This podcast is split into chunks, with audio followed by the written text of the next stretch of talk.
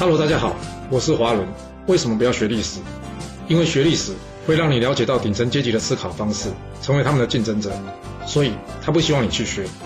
还有学历史会让你看到许多前人成功及失败的案例，你的竞争对手想要好好的睡个觉，所以他也不希望你去学。最重要的是，学历史会让你了解人性，你的老板以及同事都希望你保持天真的心，所以他们更不希望你去学。就是因为这些原因，接下来我要跟你说的是故事，而不是历史。今天的主题是啊，天上掉下来的，嗯，是刀子还是礼物啊？我们刚刚在春秋第八十八节故事中讲到，这五奢两个儿子啊，在收到他亲笔信函要他们进宫，因为楚王要释放五奢，并且封赏他儿子之后啊，这哥哥武尚决定相信这信中所说的事，赶紧入宫，以免他爸爸被责罚。但是弟弟伍子胥呢却反对，他认为这一去呢等于是送死啊，不去反而可能有机会救了他爸爸一命。哎，怎么一封信，结果两个人读起来有这么大差别啊？要是我们看事情只看事物的表象啊，我们就很有可能啊像武尚一样相信武奢的话，前往宫中。但伍子胥为什么不相信呢？这故事中啊，伍子胥讲得很清楚啊：一，楚王不是这种知错能改而且会奖励别人的人。二，楚国大臣目前没有多少人都敢正义直言的。三，他爸爸脑筋很直啊，也就是什么愚忠啊。只要楚王叫他做的事呢，就算是会害死自己全家人他爸爸也会因为为了效忠大王而去做。还有最后一点啊，就是他爸爸的信中啊，并没有被赦免罪过的喜悦啊。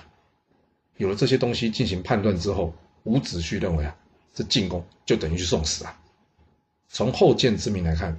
伍子胥当时的判断是对的哦，但是要是这件事发生在我们身上，我们能看出当中的危机吗？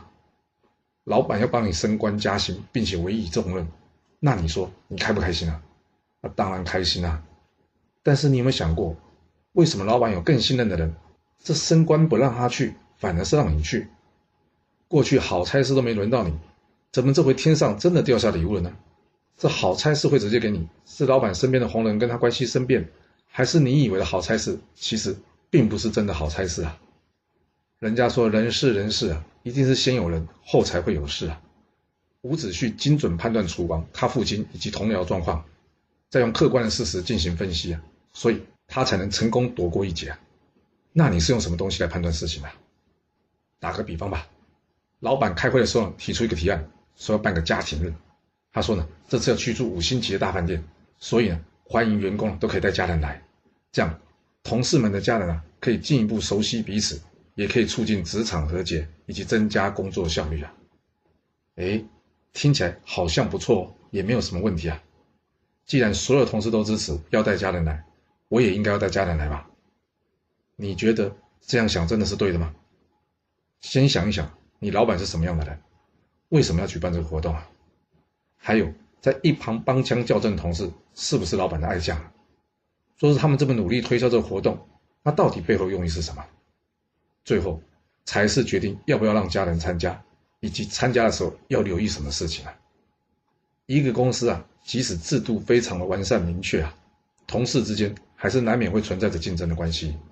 更何况，要是这公司主要是以老板个人人质为主啊，或者是说嘛，已经开始内卷了。那这样的活动，你就必须要多多留心了。往好的方向去看，办这样的活动呢，表示公司福利好，公司呢想让员工的家人看得到，这样呢就能更鼓励员工要好好待在公司，不要跳槽。但通常呢，这只会发生在小公司，因为大公司的名气已经很大。一般来说啊，这公司啊，就算不举办这样的活动啊，员工的家人呢也会劝员工要好好工作，不要随便跳槽。那去参加这种活动会有什么问题吗？好。我们换个角度来看吧，要是你是老板或者主管，先拿掉让员工或是下属开心这个选项，你办这种活动，你想要得到什么？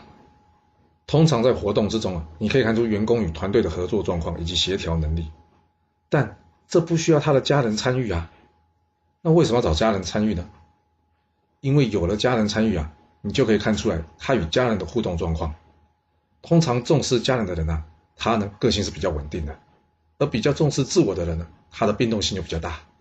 另外，他家庭的经济状况还有投资方式，都是可以让老板或者主管来了解这工作对你的重要性的。比方说，要是你有房贷压力，而且呢也没有其他投资或是被动收入，那你说这工作对你重不重要？既然很重要，你能随便丢了这工作吗？那要是不能，老板适时的帮你加些工作，或者帮你加些业绩目标，你会有怨言吗？就算你会有怨言呢，你会随便离职吗？一个每天忙着加班的人，他的朋友或者交际圈自然会缩小，甚至啊，他取得的资讯量也会下降。一旦没有这些东西啊，这个人呢就会越来越没有能力离开公司，而老板也相对会比较好控制他。另外，还有你跟你家人的服装，甚至你开的车，你跟小孩互动方式啊，都是可以用来判断你是什么样的人。作为主管或是老板，决策要怎么对待你的一个材料啊。所以你觉得老板举办公司家庭的目的真的有这么简单？老话一句啊，我不是要你把人都想成是坏人啊，只是要你说话以及做事的时候多想一步。毕竟多一分留心，少一分遗憾，你说是吧？若是你有其他想法，也欢迎留言分享你的看法给大家哦。好啦，我们今天先说到这。如果你就是不听我的劝，想知道完整版的故事内容，你可以从说明栏找到我爱故事频道的连结。不过记住哦，你是来听故事的，而不是来学历史的。要是您喜欢这个频道，麻烦您动动您的手指，追踪、留言，或是给我五星评价的支持以及分享。谢谢您来收听，我们下次再见。